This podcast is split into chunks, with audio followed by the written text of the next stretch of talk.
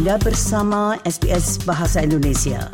Dapatkan lebih banyak lagi cerita bagus di sbs.com.au garis miring Indonesia.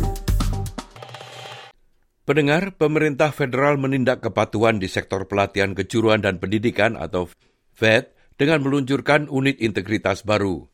Hal ini bertujuan untuk memperkuat kerangka kerja yang memungkinkan siswa, terutama yang dari luar negeri, untuk melaporkan penyedia layanan kesehatan yang tidak bertanggung jawab jika terjadi kesalahan.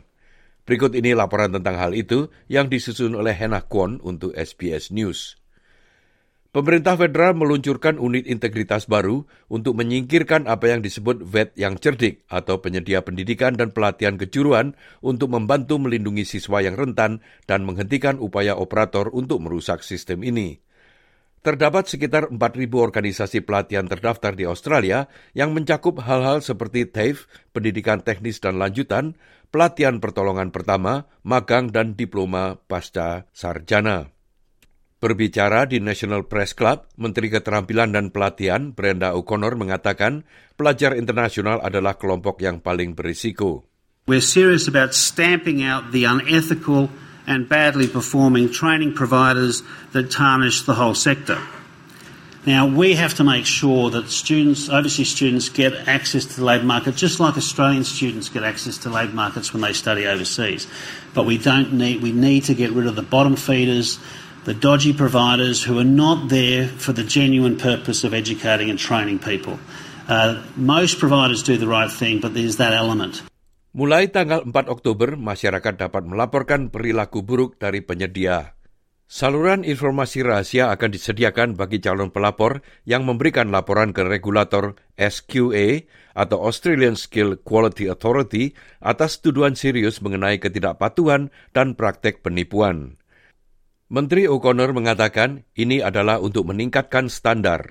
If we get this wrong, we're gaming uh, and we're traducing our reputation as an education uh, provider.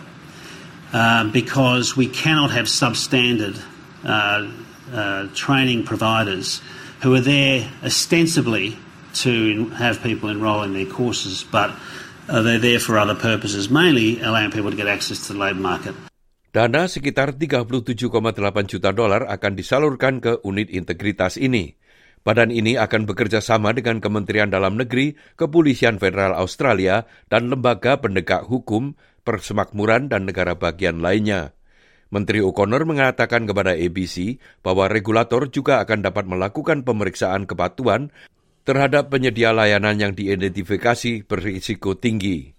So ASQA will be given powers. It has powers now to deal with some of these matters, but we will make sure it can suspend or cha- or uh, or, or uh, compel a provider to act in a certain manner, or indeed ultimately uh, expel that provider, deregister the organisation. Kunci elemen dari agenda pemerintah adalah tempat TAFE dan FED yang bebas biaya. The reason why I've emphasised TAFE is we still need at the centre of this sector a, a very significant public provider that's working in with um, universities. And I think to that extent it should be at the centre of TAFE, but complemented by all the other providers I've just mentioned, provided quality is, is there.